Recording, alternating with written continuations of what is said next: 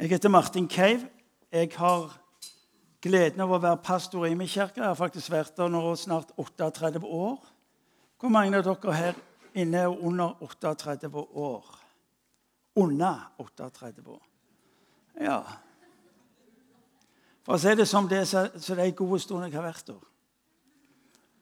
Folk sier du har ikke vurdert å slutte. og jeg har tenkt, Jo, jeg har vurdert det mange ganger, men nå har jeg vært der så lenge at jeg har bare bestemt meg for å fortsette. Så. Eh, jeg, eh, da jeg begynte i, i den gang Stavanger Innovasjon i min kirke, så var det Vi var ikke så mange.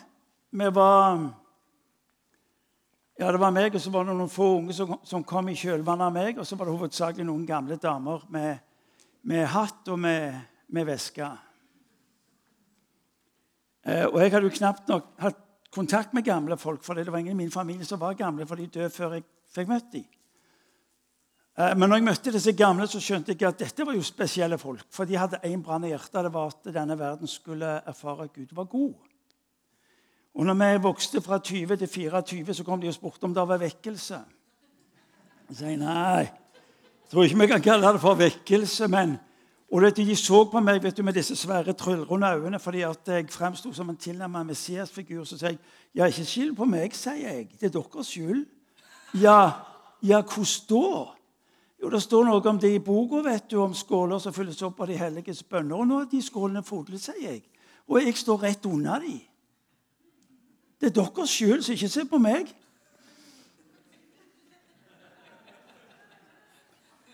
Vi delte på det.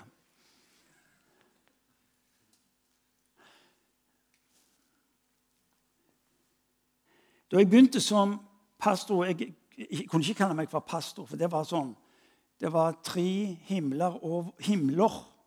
Skjønner dere folk fra Stavanger? Ja, Østlendinger de skjønner ikke. Så av, av og til må jeg snakke pent, men da skal jeg trenger ikke det. Pastor var umulig for meg å kalle meg, for det var sånn Det var den tredje himmel der Paulus av og til opererte. Så, så jeg kaltes for sekretær. Bysekretær var, var stillingsbetegnelsen min.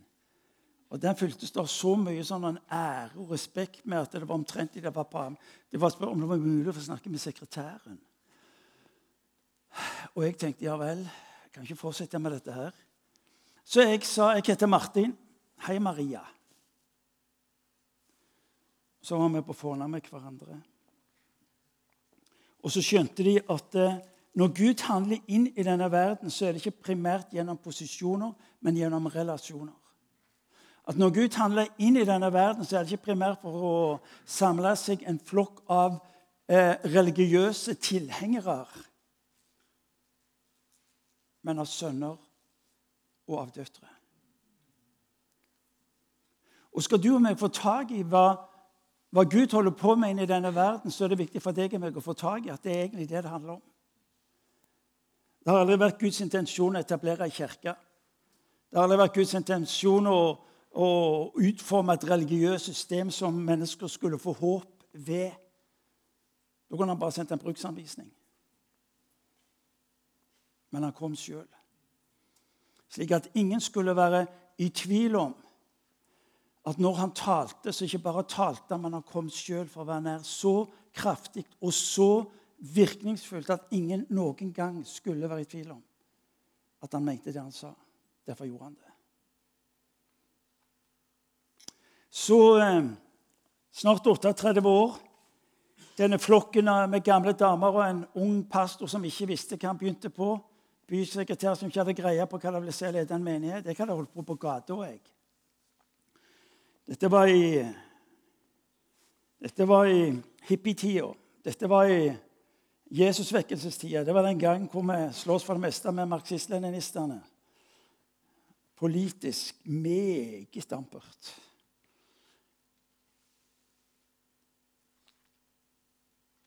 Men det gjør ikke så farlig om du ikke vet så mye. Og Det er jeg vitnesbyrd om. Mesteren er ikke så fryktelig opptatt med hva du kan.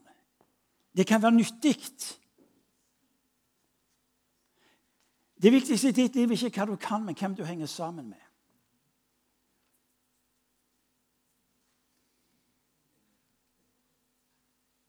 så kan du ikke bruke den unnskyldningen lenger. Nei, jeg kan ikke så mye, jeg. Ja, Men da er du virkelig kvalifisert. Og så er det slik at Gud lengter etter å få lov til å demonstrere hvem han er på ditt og mitt liv, uavhengig av hva du og meg kan. Og kanskje får det lov til å være i min sitt vitnesbyrd eh, når jeg ser tilbake gjennom disse åra. Folk kan hang hekta dette på folk, og det er greit nok. Men poenget er at hvis du hører vitnesbyrd om hva Gud gjør et annet sted med andre mennesker, så ikke kluss det med mennesker. Mennesker gjør sin del av det, men vitnesbyrd om vår menighet. At Gud hadde bestemt seg for at der regnestykkene var gått opp, at denne foreningen, menigheten skulle legges ned, så var hans regnestykke nei, jeg er ikke ferdig med dem. Når jeg kom inn i dette lokalet, så har jeg den opplevelsen her er til stede. Hør nå, folk fra Froland. Dere aner ikke hvor velsigna dere er. Dere aner ikke hvor velsigna dere er. Under lovprisningen var det to bilder som kom til meg. Det ene bildet det var, det var denne brønnen. Og det, En brønn kan jo virke litt sånn type ah, Det er en brønn. Men det jeg så brønnen den gikk ned, og så var det et reservoar av vann under som var grassat. Ser dere bildet? Der du ser en bygning, og der du ser noen få mennesker Du ser brønnen, den virker ikke så imponerende, men der nede, under brønnen, var det et reservoar. Det er deres utgangspunkt som menighet. Jeg kommer inn her, så tenker jeg Wow. Her kunne jeg tenkt meg å være. Og det andre bildet jeg så, det var opp ifra dette en flamme, en ild, som, som bredte seg ut, og som ga lys langt utover dette området.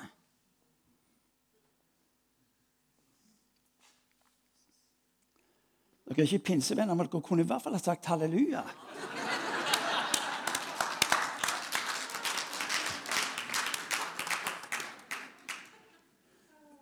Ja, Så tenker du ja, men Martin, det ser du bare for å oppmuntre. Ja, det gjør jeg òg. Men hvis det var poenget, at Gud ga meg det bildet, så varer det i nøyaktig 48 timer.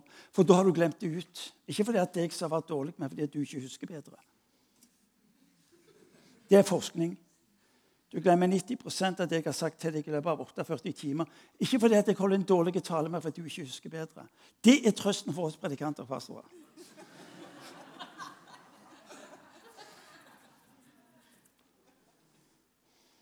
Det betyr jo Det betyr jo at Gud ser på dere her i Froland på en bestemt måte.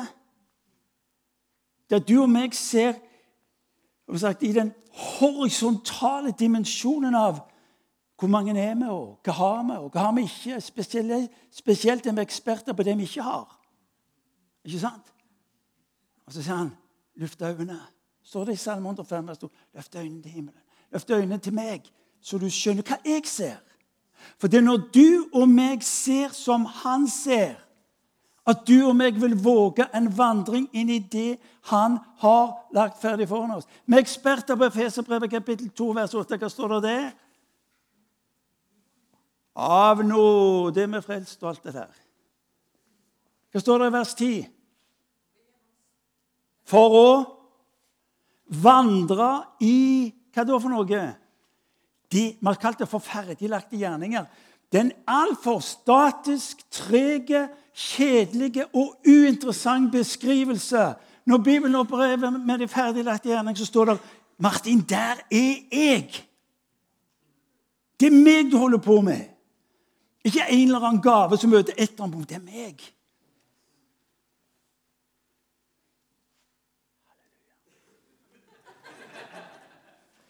Akkurat som lutheranerne. Ikke akkurat nødvendigvis like trege, men i hvert fall like stille.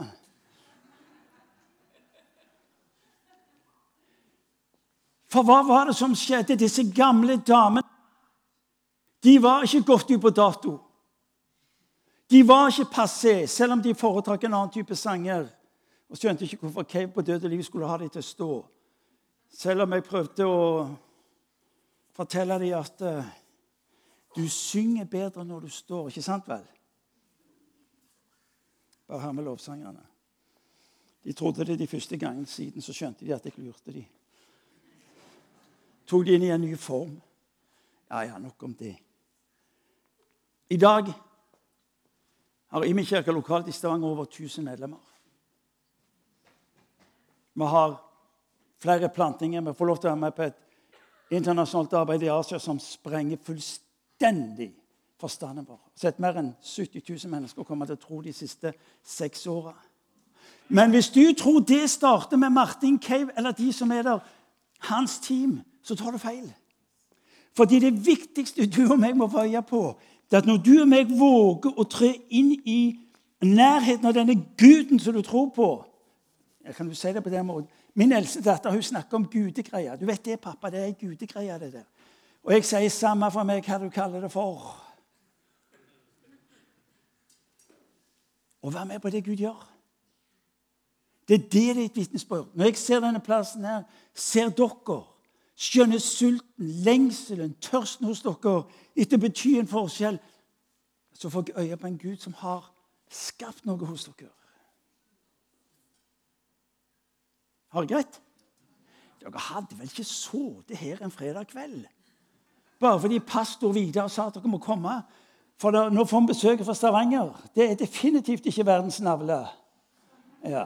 Og i min kirke er definitivt ikke den mest imponerende forsamlingen på denne kloden. Vi er oss riktignok. Det er vi, og det er vi tror jeg vi er skikkelig, men utover det er det ikke noe sånt spesielt. Men. Sier dere svømme eller svumme? Svømme.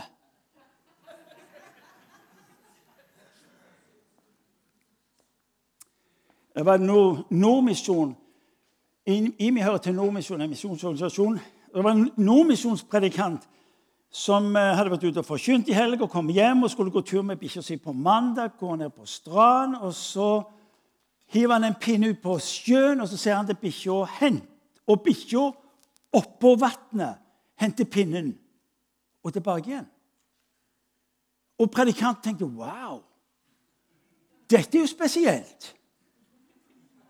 Så han heiv pinnen ut på sjøen en gang til og sa til bikkja hent. Og bikkja oppå vannet henter pinnen og tilbake igjen.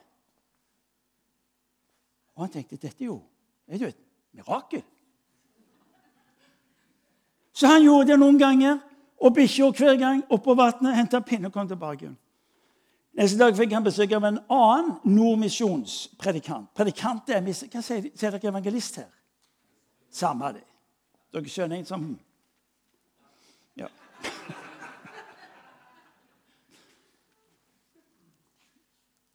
Du må være med ned og se. Det er helt spesielt. Bikkja etter Han hiver pinnen ut på sjøen og så sier han til bikkja 'hent'. Og bikkja oppå vannet henter pinnen og tilbake igjen. Og Han sier bikkje ser på kameraten sin, og han reagerer ikke. Så han gjør det en gang til. Bikkja oppå vannet, henter pinnen tilbake. igjen. Kameraten sier ingenting, og så kommer de helt til endes. Og så sier han til meg i bikkja Du, sier han Når du ser bikkja mi, hva, hva, tenker du da? Ja, sier han, når du først spør, sier han, så ser jeg han kanskje svømme.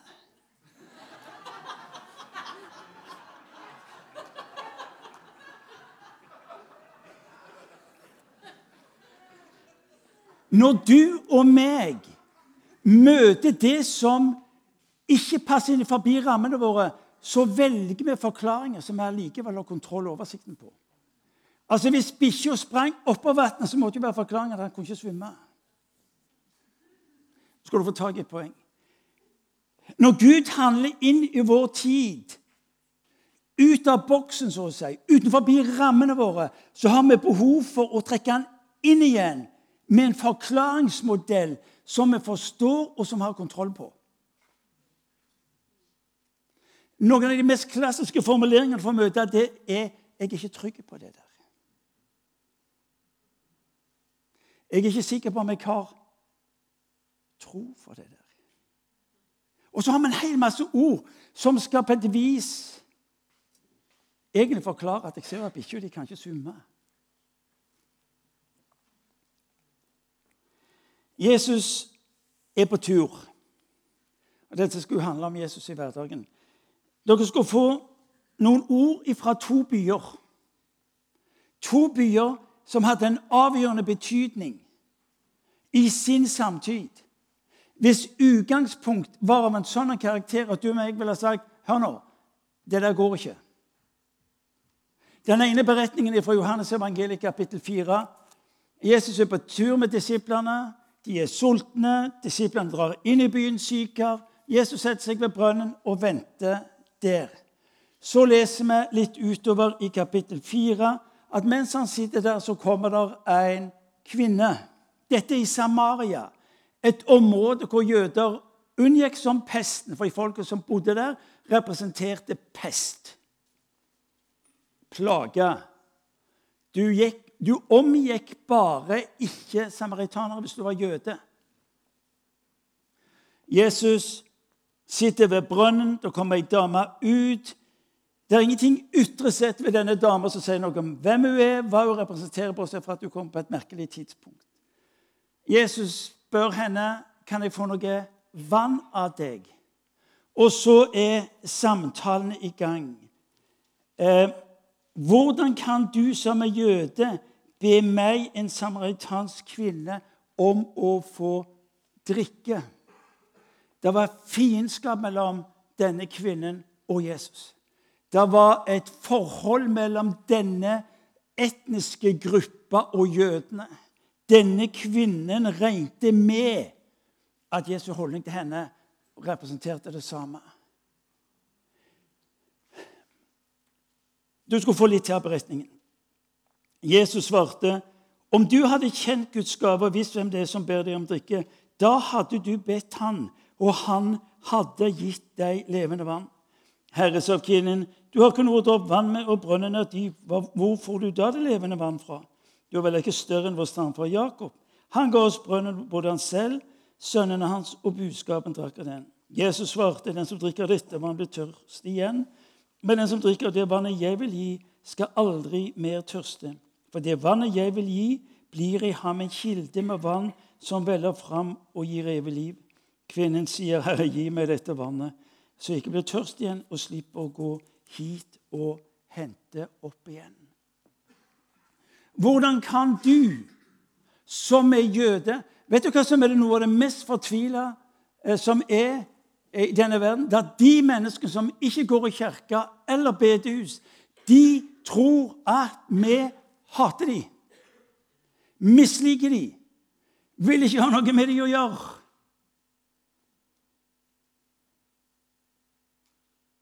Og vet du hva som er sannheten? Det er at du og meg tror at de vil ikke ha noe med oss å gjøre. Ikke sant? Vi går rundt og tror at de som ikke er kristne, de er motstandere av kristendom. De som er, ikke er kristne, de vil motta Og så har vi et helt arsenal av argumenter, begrunnelser. Og når vi tror det om de, ja, hva er da mer naturlig enn de tror det om oss?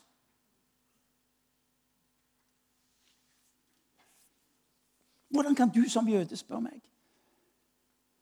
Dere skal få mange gode tips. Vi går og venter på at de som er såkalt utenfor Opererer med denne fortvilte de og oss. Slutte med det. Kanskje du skulle ta et steg imot hvis så kan få litt vann av deg? Kan jeg få litt hjelp av deg? Kan jeg Kan det være at du og meg får lov til, ved å ta et skritt imot og si vet du hva, jeg vil du skal vite at det, Kan du hjelpe meg? Eller hvis du vil, så vil du skal vite at jeg tenker på deg, ber for deg. Kristne folk i Norge er et taust folk. Ja, ikke, ikke på de sakene vi er imot. Er dere med meg? Ja. Hvorfor i all verden skal denne verden få tak i hva vi er imot?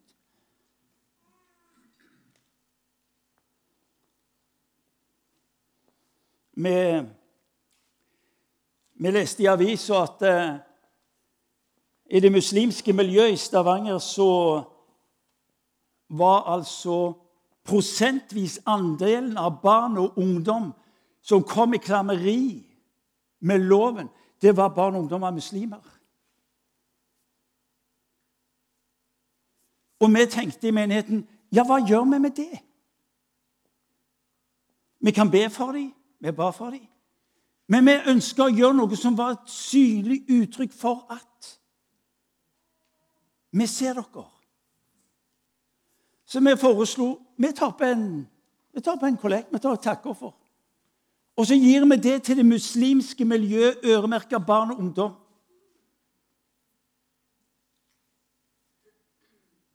Hør nå. Ditt og mitt kall er å nå det muslimske folket med evangeliet. Tror du det er lett hvis de går rundt og tror at du og meg hater dem? 99,9% av muslimene i Norge tror at de kristne hater dem.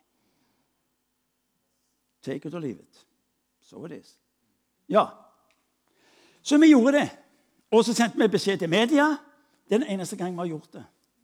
Fordi vi ønska å syne hva vi holdt på med. Det er den eneste gangen jeg har gått med hvitsnippen. Meg og Ellingsen. Pastor Ellingsen. Og når vi kom fram til moskeen, der var media, fjernsyn og avis og hele greia. Og der inne i moskeen der satt uh, imanen med sine folk. Måtte tas på, sko, tas på beina. Og så er det slik at når, altså For en del år tilbake, ti år siden hadde Imi store økonomiske problemer, som vi fant ut at beste måten å løse det på, det var å begynne å gi vekk alle kollektene våre. Så vi Så vi, vi, får i dag alt vi har givertjeneste, så gir vi vekk kollektene våre. Eh, hvis du syns det er kult, så er det det. Ja. Men det var ikke kult når vi begynte. det kan jeg si deg. Ja.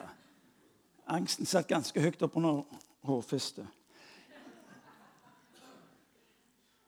Men så bestemte vi oss at når vi skulle gi vekk eh, kollektene våre, så så hadde vi alltid med oss kake, marsipankake. Og hvorfor det? Jo, fordi at jeg elsker marsipankake. Jeg har litt makt i den menigheten.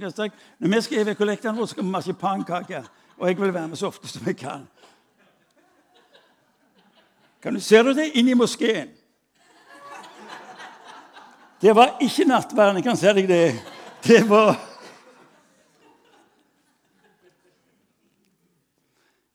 Imamen serverte mariakjeks og pulverkaffe. Det er ikke så mye Maria Kjeksensen.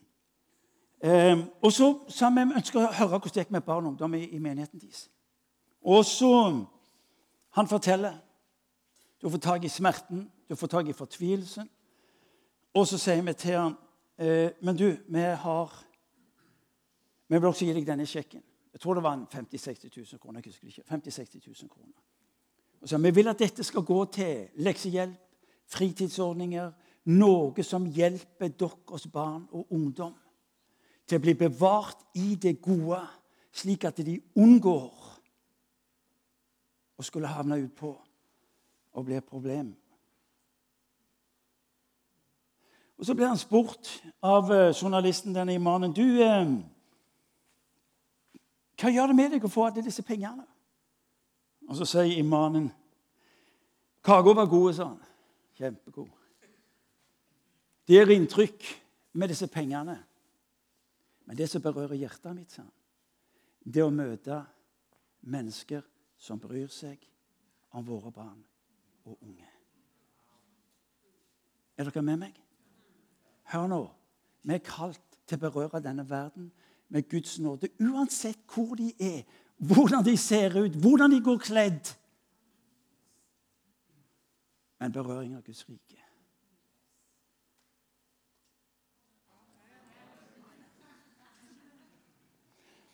Jesus sitter der på brønnkanten. Han møter ei dame, og han visste hvem det var. Og så taler han livet inn i denne dama sitt liv. På en slik en måte at liv forvandles. Vi får ikke tak i hele samtalen. Men noe aner det oss. Fordi at eh, han har noe undervisning. Er det Garisim, eller er det Hva heter det andre fjellet? Gå hjem og les. Han hadde noe undervisning. Men det som setter damer fri, hva er det? Det er det profetiske ord inn i denne dama sitt liv. Han sier til henne, 'Gå og hent mannen din.' 'Jeg har ikke noen mann.' 'Ja, der talte du rett', sier han. 'For du har hatt fem menn, og den du nå har, er ikke din mann.' Den dama var på alle måter i henhold til jødisk lov diskvalifisert for ethvert anstendig liv og behandling.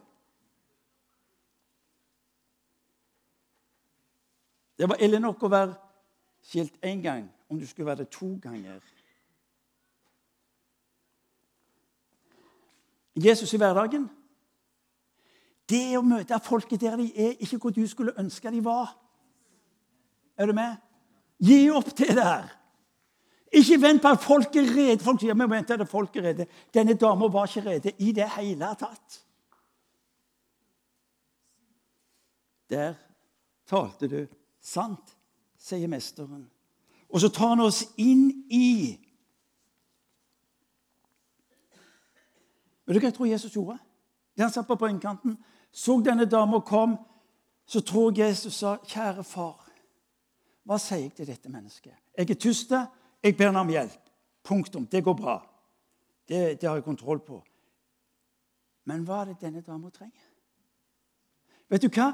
Det du i din hverdag kan få lov til å gjøre når du står opp om morgenen, så kan du få lov til å be denne enkle bønnen. Jesus, la meg få lov til å bety en forskjell i et menneske sitt liv. Jesus i hverdagen er så enkelt at du kan stå opp om morgenen og så kan du si Jesus, la meg få lov til å bety en forskjell i menneskers liv som jeg skal møte i dag. Og I det øyeblikket du ber den bønnen, i det øyeblikket, i det øyeblikket begynner du å se på menneskene rundt deg på en ny måte.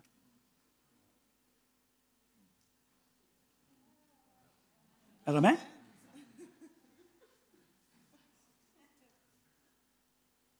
Irene satt på Irene vil si kona mi satt på bussen. Og ved siden av henne sitter ei dame som hun vet hvem er, ikke mer enn det. Og mens hun sitter der, så opplever hun hva Gud sier til henne. Du skal si til henne at Gud vil være hennes far. Så mye visste Irene at det var ateisten som satt ved siden av henne. Så snur hun seg imot henne og sier dette høres sikkert veldig rart ut. Men jeg opplever det som om Gud sier, 'Jeg vil være din far'. Og Denne kvinnen begynner å gråte, og så sier hun at hun nettopp fått beskjed om at min far er død.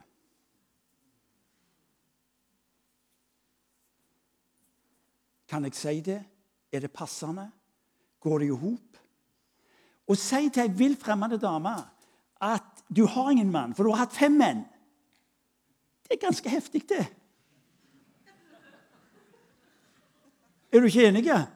Herlig fred. Det er ikke mye takt og tone der. Nei. Det var ingen sjelesøkers tilnærming. Nei. Han spurte ikke etter oppvekst og Nei.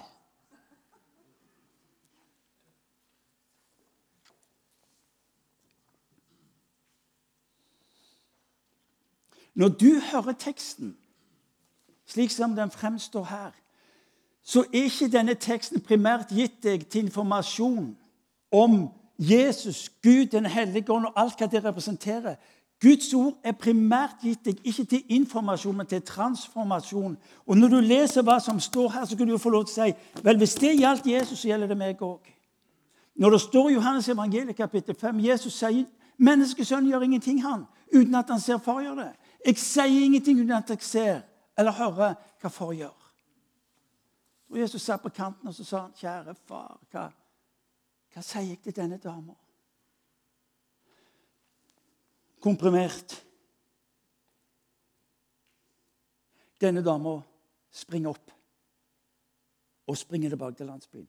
Og dette må du få tak i. Hun springer inn i landsbyen, og så sier hun 'Jeg har møtt en som har fortalt meg galt.' Og så aner det meg at resten av landsbyen sier ja, men herlig freden, det kan vi òg gjøre. Vi kan fortelle deg alt. Ja, Noen bedre enn de burde. kan fortelle deg alt. Men noe hadde berørt dama sitt liv på en slik en måte at omgivelsene begynner å høre etter. Når du er opptatt med å fortelle deg sjøl at de vil ikke bry seg, de vil ikke høre etter, så skal jeg fortelle deg det er djevelens løgn. For der hvor Guds rike får nedslag i ditt og mitt liv, så er det av en karakter som gjør at omgivelsene begynner å lytte på hva du sier. For, hva du gjør for noe? Hun forteller, hun forteller hva Jesus har gjort i hennes liv. Hun er ikke opptatt med hvem som hadde skapt den situasjonen for henne. Hva som hadde skapt den situasjonen for henne. Han er opptatt med å fortelle hva mesteren har gjort i hennes liv.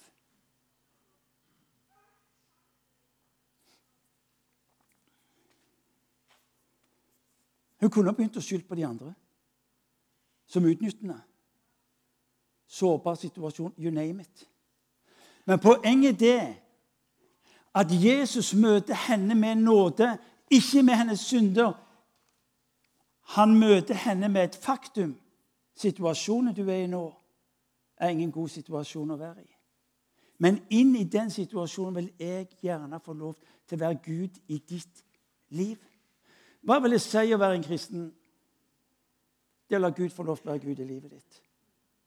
Vi driver på og baler med alle de tingene vi skal forstå. Han sier, 'La meg bare få lov til å være Gud i livet ditt'. Hun sprang inn i byen og sa jeg har møtt en som har fortalt meg alt. Sannheten og nåde med gyslag ord på. Sannhet. Men det var nåden som hadde fangene. Skal, skal du høre noe som sjokkerer, og det er godt mulig la det gjøre det kraftig? Jesus er ikke så fryktelig opptatt med de synd. Av og til er vi som kristne altfor mye opptatt med synda. Synd som han er ferdig med. Synd som han har lagt bak. Hans mål er ikke at du skal gå rundt med en bekjennelse av at jeg er en synder, stor i gjerning og i ord, som vi synger den gamle salmen. Han har fortalt meg alt. Og elsker meg fremdeles.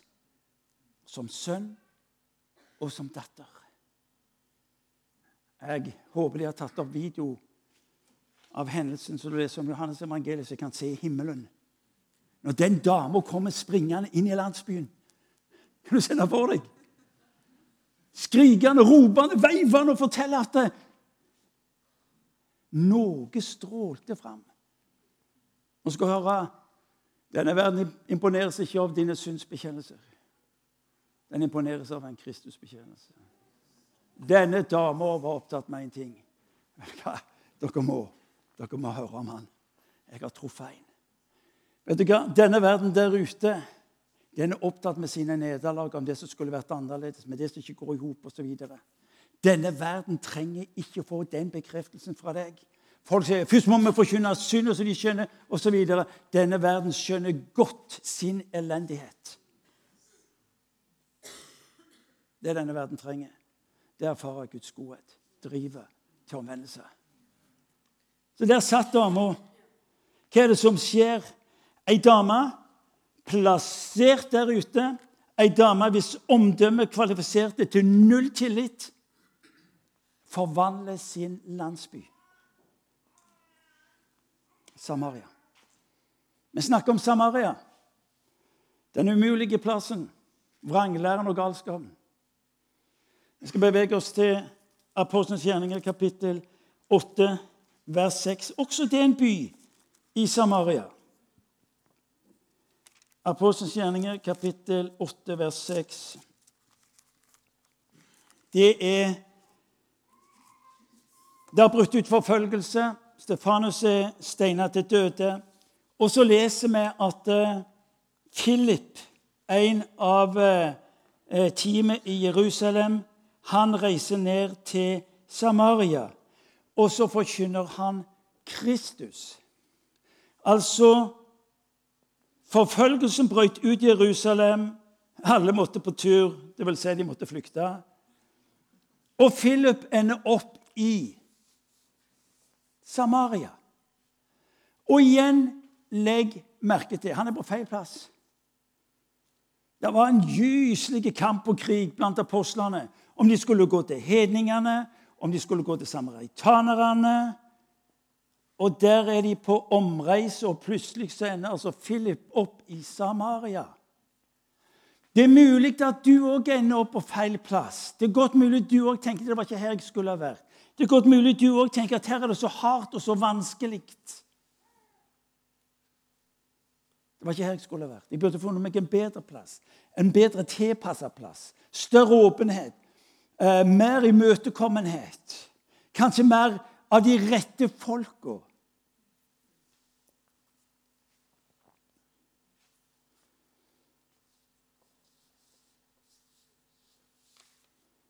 Og alle som en fulgte oppmerksomt med når de hørte Philip tale, og så de tegnene han gjorde. For mange hadde urene ånder som for ut av dem med høye skrik, og mange lamme og halte ble helbredet.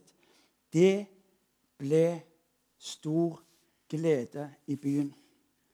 Da jeg ba for, eh, for disse dagene, og jeg ba for Froland og strevde litt med Froland. Er bygd, eller er en by, eller er et område? Hva er det? Hva er dere?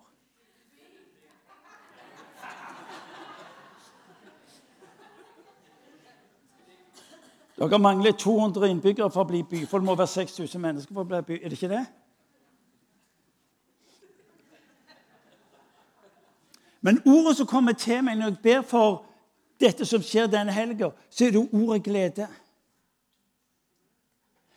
Vet du hva? Denne plassen, dette området, har til gode å erfare av Guds glede. De hørte, står det om, eh, fra Philip i Samaria, ordet om Jesus. De så de tegn han gjorde. Og så står det hele byen ble fylt av glede. La meg spørre deg Er drømmen din å se at glede fyller denne plassen? Dere andre som ikke svarer, er ikke helt sikre?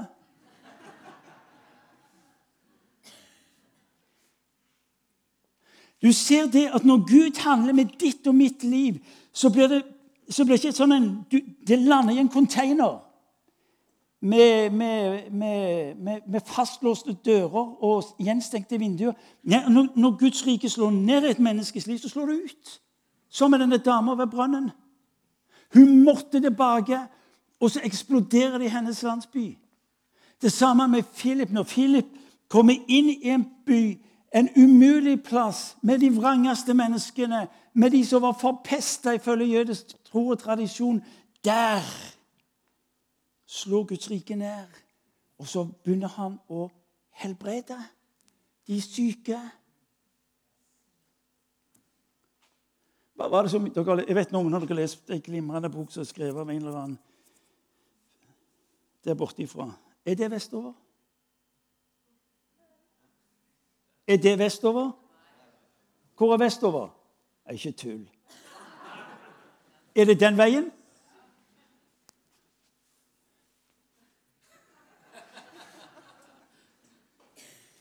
Hva var det som gjorde Jesus attraktiv? Hva var det som gjorde at mennesker ble trukket til ham? Det var ordene hans. Undervisningen. Han, lærte annerledes, står der. Og så han profeterte. Talte inn i menneskers liv som damer ved brønnen. Men det andre var, var godheten. Og det tredje var de overnaturlige helbredelsene. Det ble glede i byen. Fordi de hørte ord om Jesus og så gjerningen hans utført ved hans disipler. Du har helt rett, Vidar. Min grunnleggende tese er at denne verden har ikke sagt nei til Jesus. De vet bare ikke hvordan han ser ut. Hvordan jeg kan si det? Jo, fordi salmisten sier at 'min sjel finner ikke hvile' før den finner hvile hos Gud.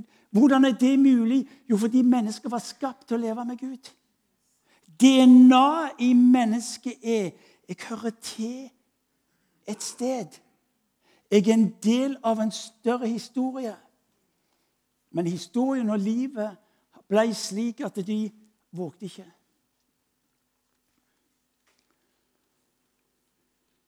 Det ble glede i byen. De hørte ord om Jesus, og så så de gjerningene. Det, det er uhyre interessant, fordi at eh,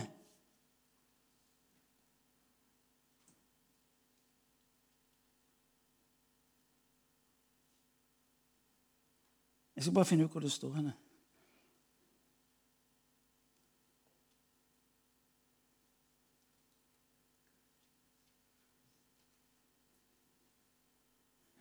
Fant ikke.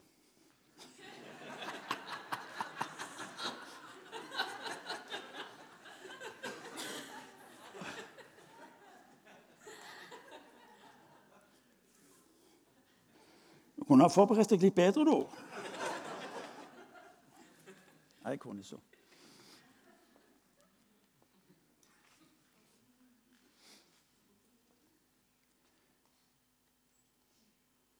Folk i Froland lengter etter en erfaring med Gud.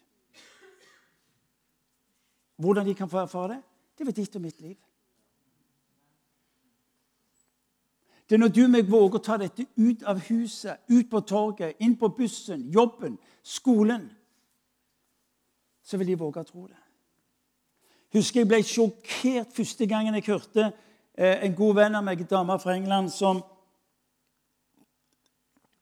fortalte om vi hadde sett noen helbredelser. Det var ikke så mye den gangen. for det tid tilbake. Jeg skal snakke mye om helbredelse i morgen forresten på seminaret. Så sier hun til meg Martin, tenk når, eh, tenk når vi skal begynne å helbrede folk ute på gata. Og jeg så på henne På gata? Kan vi ikke gjøre det? De er jo ikke kristne. De må jo være kristne hvis vi skal be. Så ser hun på meg, så, så hele blikket sa Stakkars.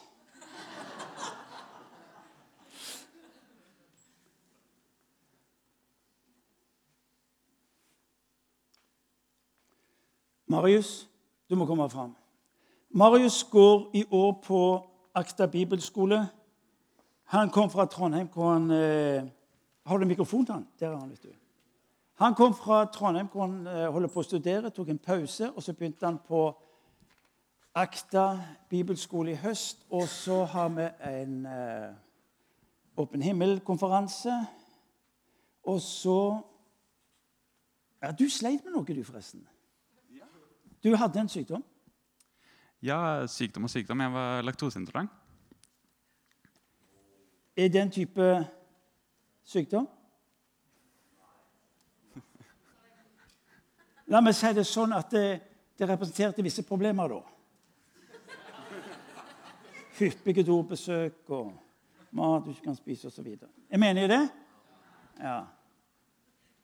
Noen av mine venner har det. Det er noe riktig graps. Marius, du hadde Hva var det du kalte det for? Laktoseintoleranse. Laktoseintoleranse. Hva betyr det? Det betyr at jeg tåler ikke melkesukker. Du tåler ikke Eller melkesukker. Ja. Og så hadde vi denne konferansen, og så ble dere invitert til forbønn. Og så ble du bedt for. Det gjorde jeg. Eh, først så det, var det forbønn for på en måte, frykt og sånt noe. Da tenkte jeg da må jeg, jeg må reise meg opp, og alle, vi alle har jo frykt. sant? Og så inviterer de til forbønn for mageproblemer. Da tenkte jeg jeg, jeg har jo ikke noe frykt, så da er det bare å gå frem.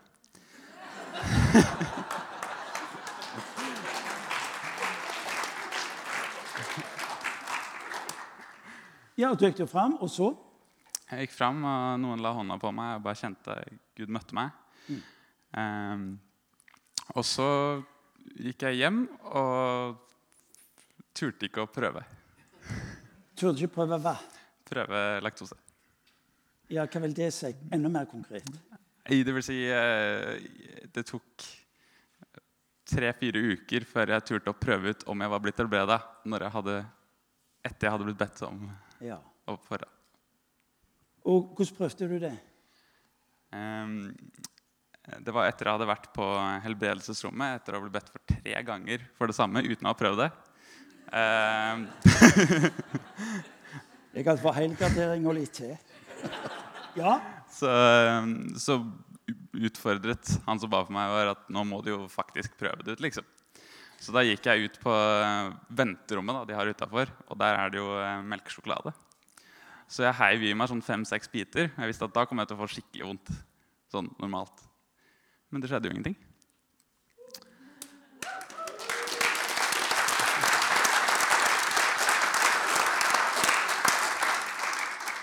Og så Dagen etter prøvde jeg, prøvde jeg brunost.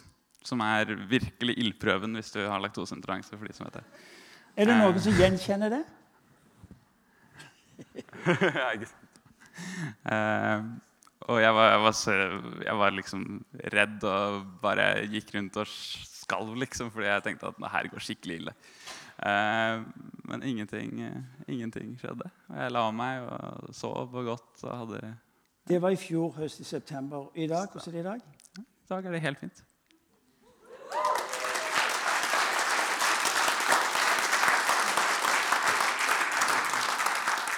Hvor lenge har du hatt det? Fem-seks år.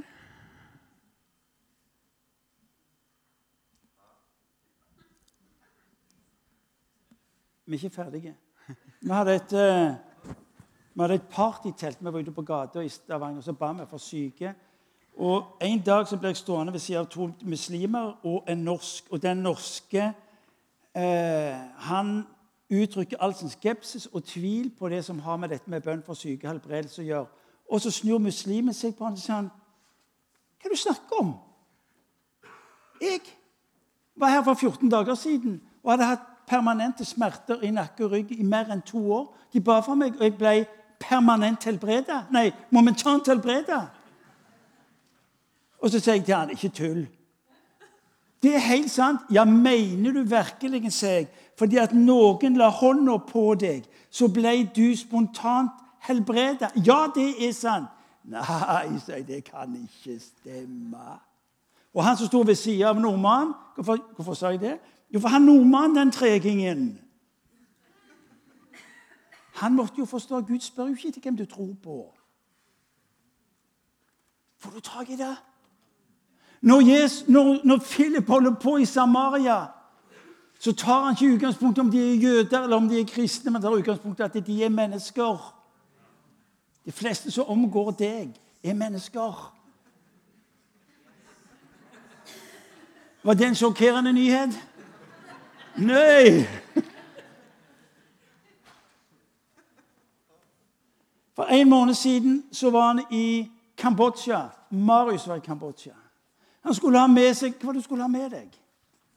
Jeg skulle ha med meg laktrase til en uh, jente fra et annet team. Uh, team fra Trondheim. Som hadde Som hadde laktoseintoleranse. Ja.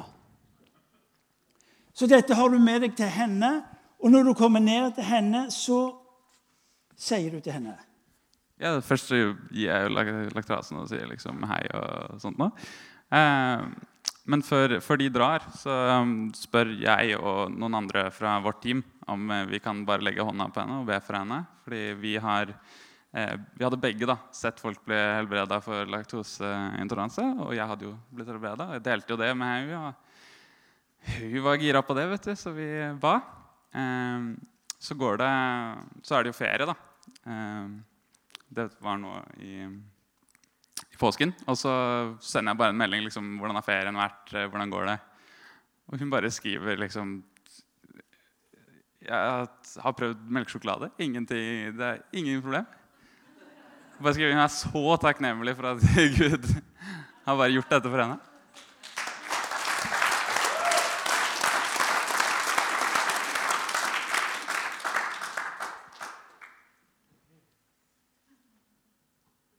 Er det kult? Noen har trodd Gud er så smal at nå gjelder det bare Nei. Men det jeg har lyst til vi skal gjøre akkurat nå, det er å be for de mellom oss som har laktose eller allergi av en eller annen karakter.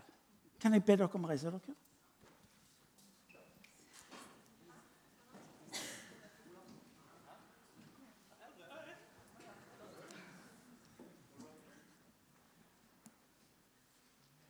Og når Marius nå ber en bønn fra dere, skal dere som sitter rundt her, få lov til å legge hendene på de som har reist seg. Og så skal dere be om at Gud skal velsigne dem, berøre dem og sette dem fri fra allergien. Og La meg bare gjøre det tydelig for dere.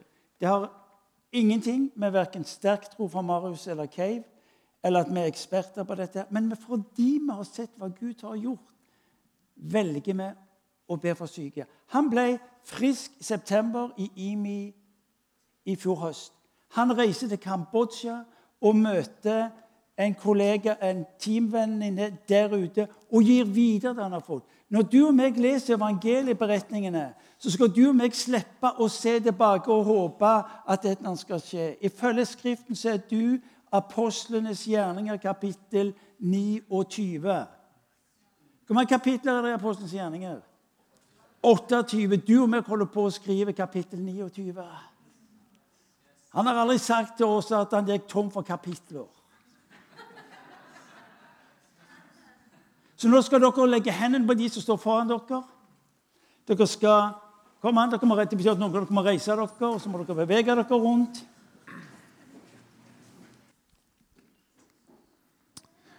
Kjære gode far.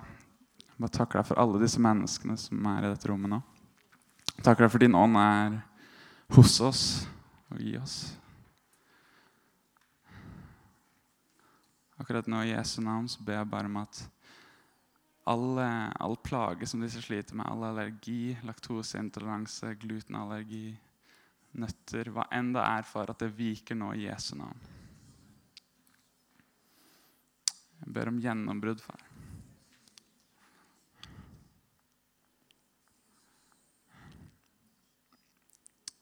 Takk for at du gir dem frihet nå, ditt mektige navn.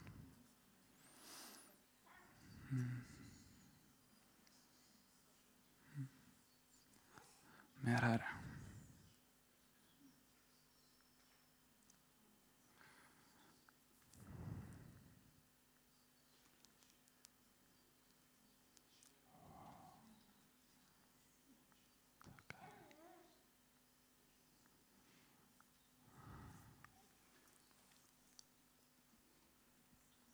Amen.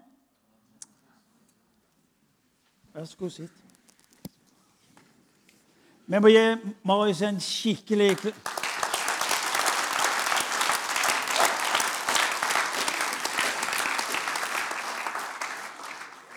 Jeg visste ikke om dette med Marius før han fortalte meg det i bilen på veien her. Da tenkte jeg søren òg. Dere kommer helt sikkert til å glemme at jeg har sagt med en vitnesbyrd til Marius. Det husker dere.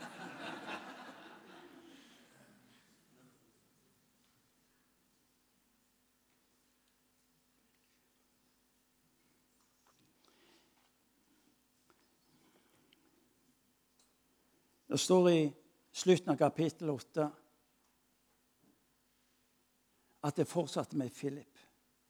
Han reiste ifra byen i Samaria, og så endte han opp på et sted hvor han møter en mann som er på gjennomreise. Etioperen. Som får lov til å møte evangeliet om Jesus Kristus, og som senere blir nøkkelen og utgangspunktet for vekkelsen i det, vi i dag kaller for den koptiske kirke. Men det starter i to byer som i utgangspunktet er diskvalifisert. Det starter blant mennesker som i utgangspunktet verken har troen eller livet eller praksisen på Jesus Kristus. Men når Gud handler inn i denne verden, så tar han ikke utgangspunkt i hvor menneskene befinner seg, hva de har gjort, hvem de er, men tar utgangspunkt i hvem han sjøl er, og hva han sjøl ønsker å gjøre i mennesker liv.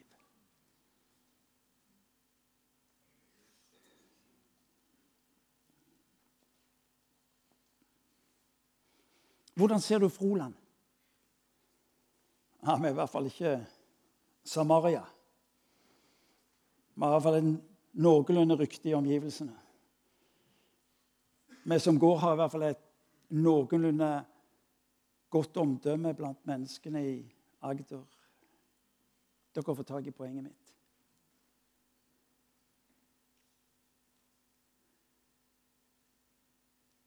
Kanskje skulle du Kanskje skulle du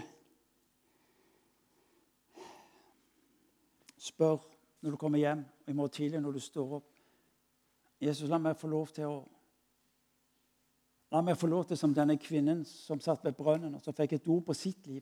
La meg få lov til å gi det videre til andre mennesker som jeg treffer. Når jeg eh, ser mennesker som, som er i nød, og enten det er sykdom eller Herre, la meg få lov til å ta et skritt imot det og, og være denne muligheten, slik at når de erfarer, så vil de også tro.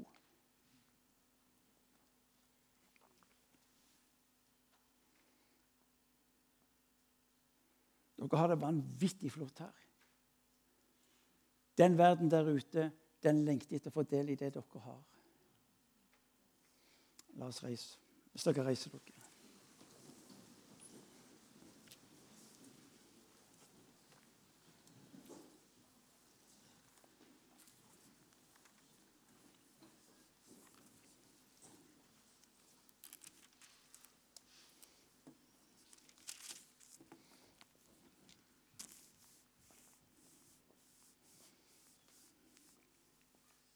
La meg si det slik. Kirka er satt inn i denne verden for å ha en primær retning.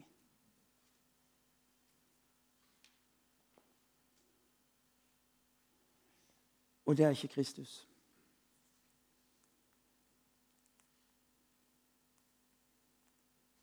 I 2. Mosebok kapittel 3 så leser vi Herren sa til Moses jeg har sett mitt folks nød i Egypt og har hørt skrikene deres under slavedriverne. Jeg kjenner deres smerte. Jeg har steget ned for å fri dem ut av hendene på egypterne og føre dem opp fra dette landet og inn i et godt og vidstrakt land, inn i et land som flyter av melk og honning. For nå har skriket fra israelittene nådd meg. Denne Kristus som du og meg er opptatt med å søke, hvordan er henne? Han sier, 'Jeg har steget ned.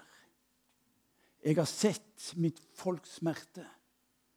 'Jeg har steget ned for å ta dem inn i mitt rike, mitt land av gull, som flyter over av melk og honning.'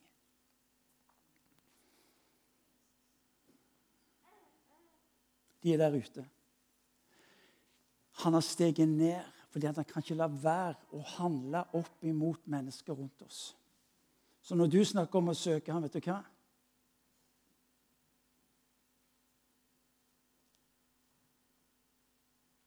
Hva er det Heidi Baker sier? Jesus har et ansikt. Der er det. Hos han, hos hun, hos de som var på feil sted, tror på feil Gud, der er jeg. Jeg har hørt skriket. Jesus, vil du gi meg ord av liv som setter fri? Jesus, vil du hjelpe meg å gi meg mot når jeg ser sykdommen og smerten og det håpløse? La meg få lov til å handle inn i det. En god venn av meg, svært god venn av meg, når jeg spurte henne ja, Vet du sikkert at alltid når de gir ut et profetisk ord, så er det fra Gud? Så sier hun nei, det gjør jeg ikke. Men jeg gjør det likevel. For hvis det ikke er fra Gud, så glemmer de det med en gang. Er det fra Gud, så setter det fri.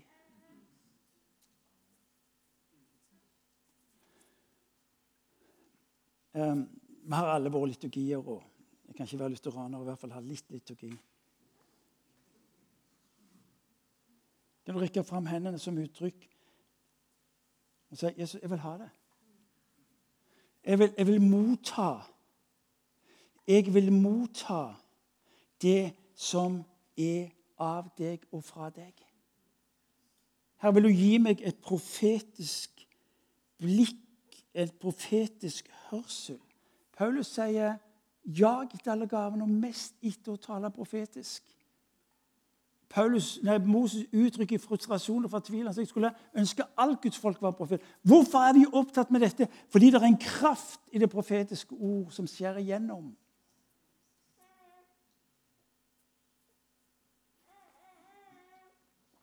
Det betyr ikke noe annet å si 'Jesus, please, la meg få det'. Jeg, eh, jeg, jeg, Jeg vil ha det. Jeg ber. Herre Helligånd, takk fordi du er mellom oss som den som elsker.